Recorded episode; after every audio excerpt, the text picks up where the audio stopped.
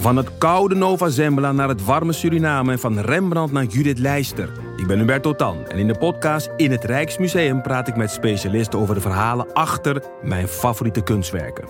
Nieuwsgierig? Beluister nu de nieuwe afleveringen.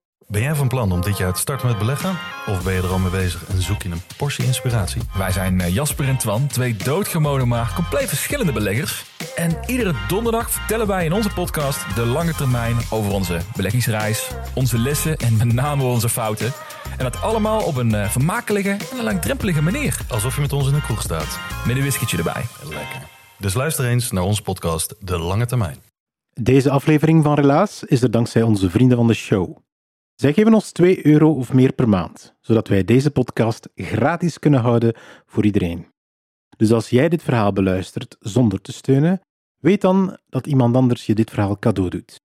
Overweeg je het ook om vriend van Relaas te worden? Super! Dan krijg je ook toegang tot extra verhalen, verhalen achter de schermen van Relaas en we nodigen je ook uit voor een exclusieve vertelavond alleen voor onze vrienden. Sietske is trouwens een van onze nieuwe vrienden. Sietske, dank je wel.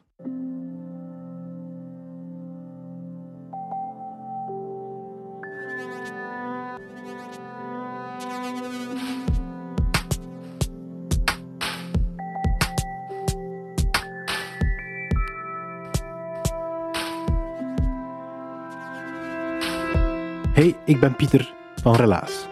In Relaas vertellen mensen waar gebeurde verhalen die ze zelf hebben meegemaakt. Deze week een verhaal dat je onmogelijk helemaal alleen kan meemaken. Het gebeurt meestal met z'n tweeën. Heel soms komt er nog wat extra volk bij kijken, dan wordt het extra gezellig. Patrice die vertelt over haar eerste keer met haar lief Yves. En als je zelf ervaringsdeskundige bent, en ik hoop van wel, dan weet je dat zulke dingen meestal niet van een leien dak lopen de eerste keer.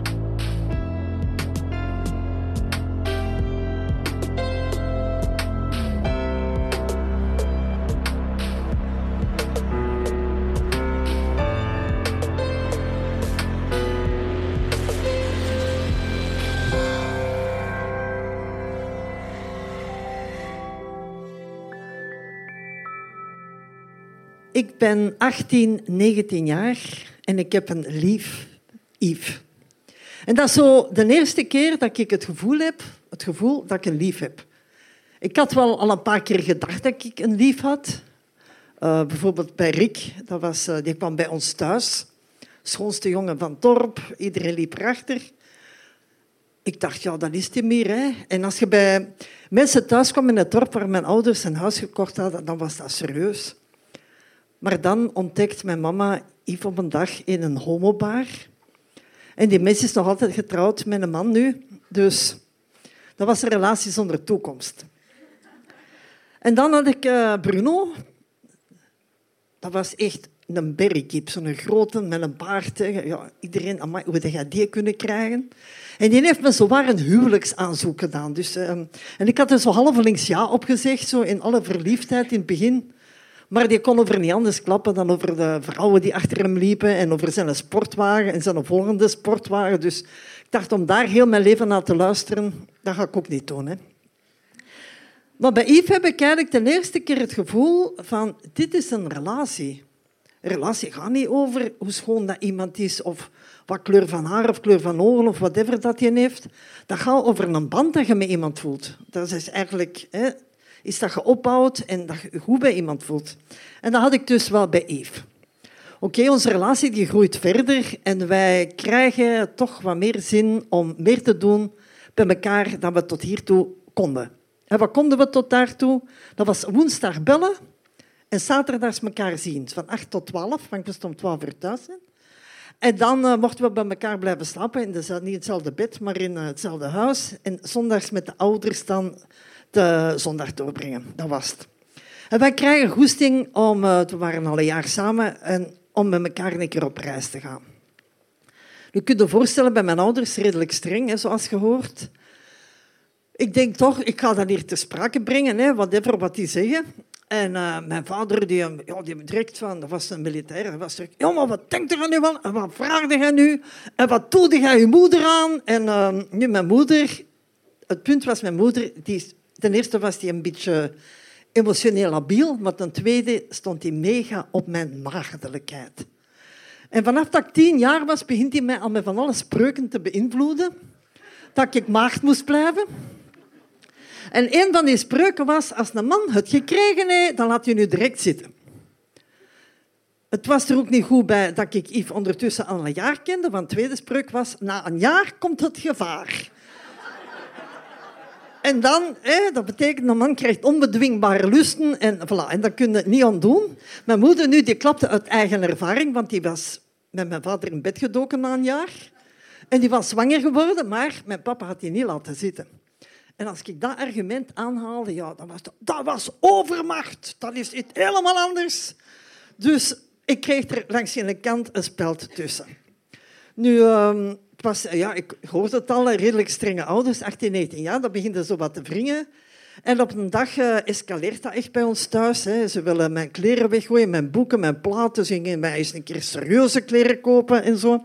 Dus ik denk, mijn eigen, het enige wat ik hier kan doen is weggaan. En dat doe ik ook. Ik had mij al wat ingelicht waar ik naartoe kon.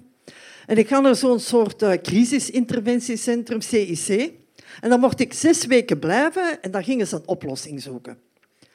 Maar in die tijd, 18, 19 jaar, waren jij nog niet meerderjarig. Ik studeerde, ik zat in mijn tweede kan. Ik had ook geen spaargeld.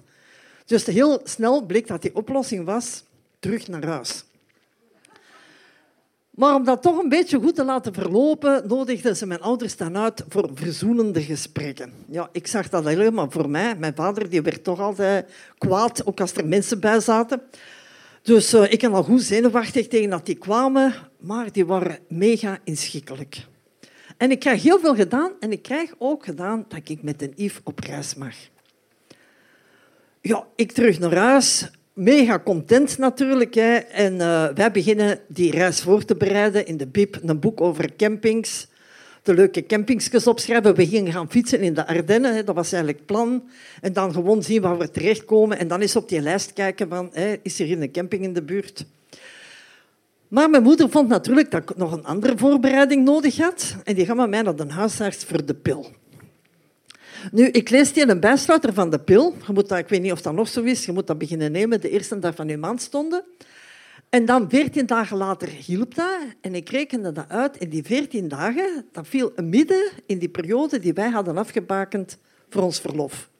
Dus ik denk, als mijn moeder dat ziet, dan gaat die niet goed komen. Dus ik, ja, die had een bijsluiter. Ik gooi die ergens in een openbare vuilnispak. En... Uh, Voilà, voor de rest wordt mijn moeder denkt er gelukkig ook niet aan. Hè. En uh, wij kunnen vertrekken in juli. We doen eerst nog ons examen. Ik had ondertussen een job gezocht om dan de volgende keer wat beter uh, gewapend te zijn tegen het uh, alleen wonen. Dus we gaan in juli op reis. En we vertrekken in Hamen, de fiets op de trein. Dat was toen een relaas apart. Dat was echt, ik weet niet, omslachtig. Dat regende, ik weet niet hard. Maar niet getreurd. We waren zo blij dat we een keer samen ergens naartoe konden. En eh, oké, we beginnen eraan. Dat regent, dat regent, dat regent. Wij amuseren ons zot. We lachen ook met die regen. Op den duur is echt alles nat. Onze tent is nat, onze luchtmatras is nat, onze slaapzak is nat.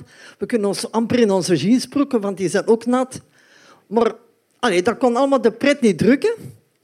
En uh, in één keer, dus vrijdags begint dat, van die eerste week begint dat wat op te klaren. En die zaterdag is het zon. En uh, wij kunnen ons kleren laten drogen. En de volgende dag is zondag. En dat is nog altijd zon. En wij kunnen vertrekken met droge kleren. Nu, die zondag dat was niet alleen op dat vlak een heerlijke dag. Dat was ook die beroemde veertiende dag dat mijn pil begon te werken. Ik had er natuurlijk wel al heel een tijd aan gedacht. Hè, van, wanneer is dat? Hm, dat is de zondag. Ik had er niet te veel over gezegd, maar die dag dacht ik, vanavond meugen we. En ik was eigenlijk vooral zeer curieus hoe dat in elkaar zat. Ik, had eigenlijk nog niks van ervaring of zo, hè, maar ik dacht, wil dat toch een keer proberen en zo. Oké, wij fietsen. Um, we komen in de buurt van Hoefalize aan en we kijken naar ons lijstje met de campings. Al die campings die we hadden opgeschreven, vol, vol, vol, vol, vol. En ineens komen wij aan een, ja, twee grote voetbalterreinen die mega vol stonden met caravans en met tenten. Maar voor ons heel klein tentje was er nog een plaatsje. Dus we konden daar uh, overnachten. En uh, naast ons is er een Hollander met een caravan. Die is zijn uh, barbecue aan het aansteken. Links is er een Belg, die is ook met zijn eten bezig. En wij zetten ons tentje op. Het droge tentje met zo, ja, van die slaapzakken en luchtmatrassen die zo wat warm waren van de zon. Dat tentje staat op, die avondzon schijnt op die een tent. Ja, wat is een heerlijker moment om te zeggen... Yves, die pil werkt vandaag. De Yves die weet direct al wat ik bedoel. Die, die moet er geen twee keer over nadenken. We kleden ons uit. We weten natuurlijk nog niet zoveel over seks, maar dan je moet uitgekleed zijn, dat weten we. En dan duikt de Yves in zijn rugzak en die haalt er een boek uit. Wat ik nu wist dat hij die bij had. De gids voor jong gehuwden. En die had daar een bladwijzertje tussen gestoken. Het hoofdstuk Het seksuele leven van het echtpaar. Dus we liggen op onze buik, een boek in het midden. Um, en we beginnen erin te bladeren, direct op dat, met dat bladwijzertje natuurlijk. En ja, eerst een op bla bla bla. En dan komt de technische kant, het voorspel. Nu, dat een boek dat was eigenlijk een Hollandse boek, maar die was dan uitgegeven in Vlaanderen. En uh, ja, dat was eigenlijk opgevat aan de linkerkant stond er uitleg, aan de rechterkant stond er een tekening. En dat begint met fellatio. Nu, ik lees dat en daarnaast zit dan die tekening een vrouw die over een man hangt, maar die heeft zo'n mega hoge, grote haarlok. Dus je ziet eigenlijk helemaal niet wat die aan het doen is. Ze hadden die tekeningen geretoucheerd. Maar aan de hand van die beschrijving had ik al iets van... Dat doe ik niet. Ja, we gaan wat verder. Het volgende... Ja, nee, dat doen we ook niet. Deze... Nee, dat doen we ook niet. Kort gezegd, dat voorspel, dat hadden we in één keer... Dat was rap door. Nu, de Yves die studeert voor uh, ingenieur. Die hebben zo een beetje uh, een meer meetkundige blik op, uh, op het leven. En die had, voordat we in die boek begonnen te kijken, had hij al gezegd van kijk Patrice, um, dat klein tentje hier, we kunnen hier eigenlijk maar... Allee, er zijn meerdere standjes, hè, dat wist ik ook niet. En we kunnen eigenlijk maar één standje niet doen, dat is de missionarishouding. Ik kon me er niks bij voorstellen. Ik wist ook niet dat missionarissen seks mochten hebben. Dus, maar ja, ik denk goed, missionarishouding. Hè? Dus oké, dat eerste hoofdstuk. Tweede, de coitus. Um, Yves zegt, leg u maar, ik ga het hier allemaal uitleggen. Hè? Um, ik leg mij dan hoe hij zegt dat ik moet gaan liggen. Die legt een boek naast hem. Die legt zijn eigen bovenop mij. We moeten natuurlijk wel een beetje wrijven en sowieso vooral aankomen, want je moet technisch ook wel in staat zijn hè, om uh, de missionarishouding te doen. Maar alleen, op den duur lukt dat. En ik, uh, Yves begint zo op en neer te bewegen. ik zeg, Yves, ik vind dat niet plezant, ik vind dat niet tof. Dat vind ik echt niet... Uh, nee, nee. En die zegt, ja, maar dat staat zo in die boek ik dacht, ja, goed, ik heb dat nu gewild om dat te testen. Oké, we gaan voort, we gaan erdoor. Maar nu was dat niet het enige dat ik dat niet zo plezant vond. Maar elke keer als die neef met zijn poep omhoog komt, stomt hij tegen dat klein tentje met zijn poep. En zo na 30 seconden hoor ik zo een geluid, een krak, krak, krak. En van nu ben ik veel meer bezig met die tent dan met heel die die op mij zijn best te doen. En dan komt de final crack en die tent die zakt in elkaar. Op een seconde staat een Hollander bij ons. Die zegt, geen paniek, geen paniek, geen paniek.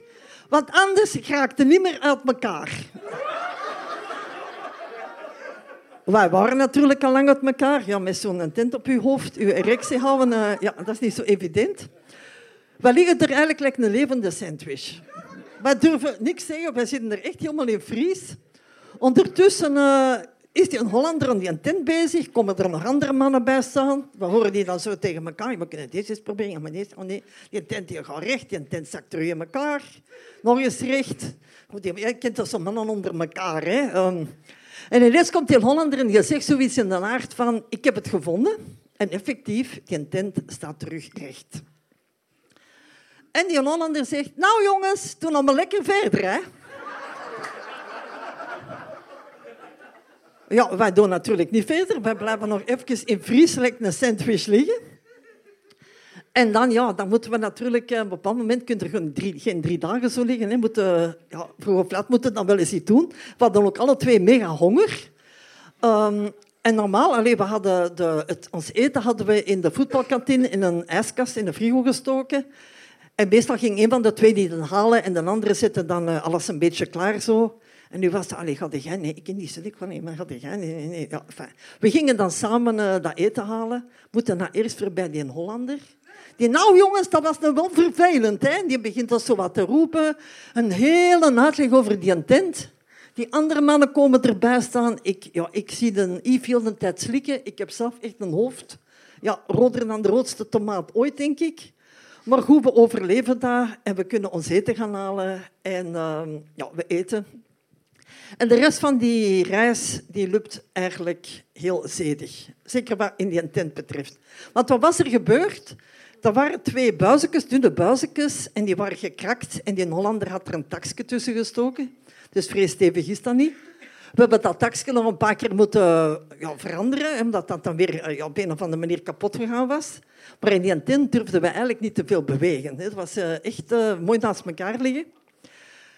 En dan eh, amuseren we ons nog altijd. Deze keer in de zon, een hele week in de zon, uh, plezant. En dan breekt natuurlijk de laatste dag aan. En we moeten terug naar huis. En ik weet al niet meer van welk station dat we vertrokken.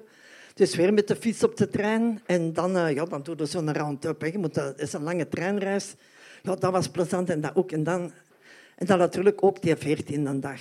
En we komen erbij. Seks, dat is nou toch eens echt overroepen. We weten eigenlijk helemaal niet wat de mensen ervan vinden, ervan vinden wat die er allemaal zo speciaal over doen. En uh, ons besluit is, oké, we gaan seks hebben voor kinderen te maken, maar voor de rest gaan we ons er niet meer te veel mee bezighouden.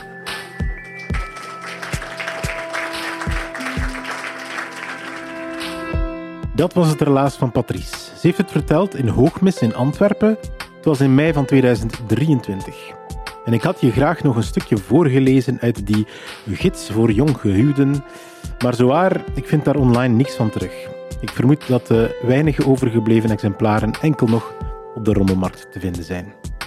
Misschien dat Patrice nog ergens een exemplaar heeft liggen. Ik zal het daar eens vragen, want Patrice is naast verteller op relaas ook nog eens een van onze verhalencoaches.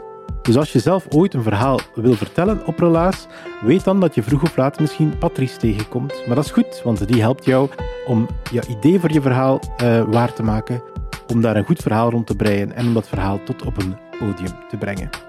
Vrees dus niet als je zelf een relaas wil vertellen. Patrice is daar om jou te helpen. Relaas bestaat dankzij de steun van de stad Gent. Zij helpen ons om onze vertelavonden, toch die in Gent, te organiseren. Maar daarnaast hangen wij ondertussen volledig af van jullie. En maar ook van de goodwill van vrijwilligers, uiteraard. We krijgen ook een beetje reclameinkomsten, maar we hangen af van jullie. Zo is het. Uh, toch tenminste van onze vrienden van de show. Als je wil dat wij blijven bestaan, dan hebben wij meer van die vrienden van de show nodig. Want podcasts maken, dat kan helaas niet eindeloos gratis. Overweeg het daarom nog om vriend van onze show te worden, vriend van de relaas. Dat kan op vriendvandeshow.be slash relaas. En voor 2 euro per maand zorg jij ervoor dat deze podcast gratis blijft voor iedereen. Dank je wel daarvoor.